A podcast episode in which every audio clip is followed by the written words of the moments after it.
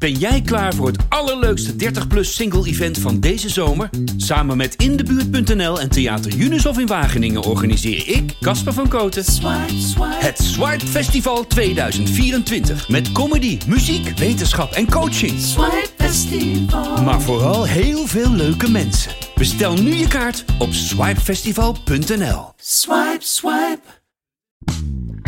Dit is Caspers nieuwe de Volkskrant. Casper spreekt af. Column nummer 2. Digitale monogamie. Binnen een uur had ik hartjes van een flink aantal vrouwen. Dat streelde me natuurlijk. Contactzoekende dames van uiteenlopend pluimage die samen een prachtige kleurenwaaier van liefdespotentieel vormden.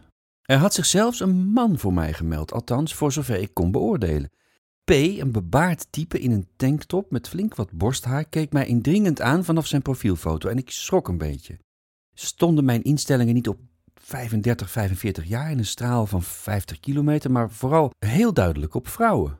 Hoe was deze knaap er dan doorgeglipt? Ik ben toch betalend lid?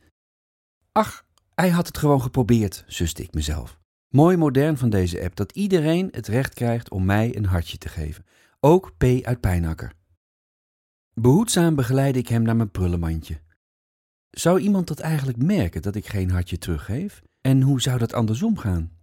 Ik had in dat uur profielen bekijken bij al best wat dames op hun hartje gedrukt, maar nog niets teruggehoord.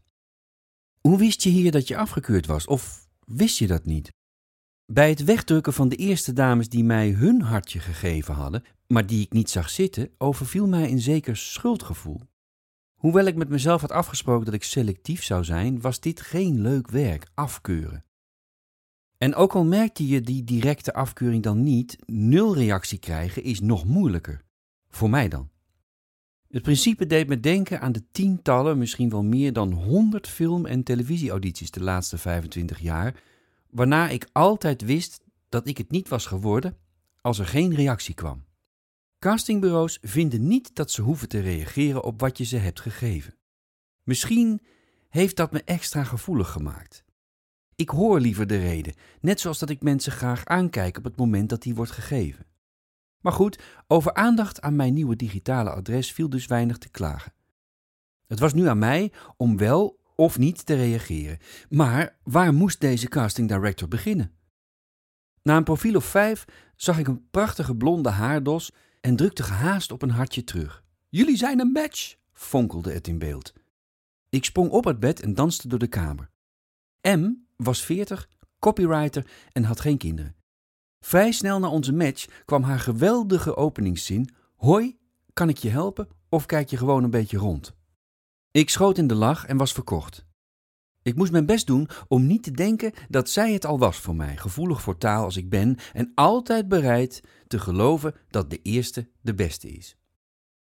Nadat we wat meer intieme grapjes rond hetzelfde thema hadden gemaakt, wil je dat ik het inpak? Nee, dank je, ik eet het liever hier gelijk op, vonden we tijd voor een wandeling door het bos.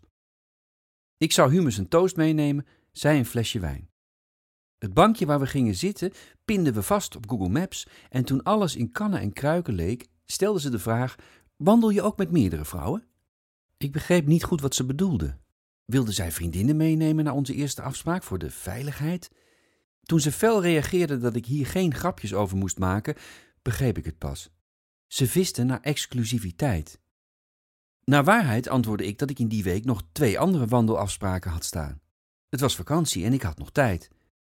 Het leek me verstandig om in het begin van mijn dateavontuur verschillende mensen te ontmoeten om een indruk te krijgen hoe het allemaal werkte. Ik ben toch ook vast niet jouw enige wandeling deze maand?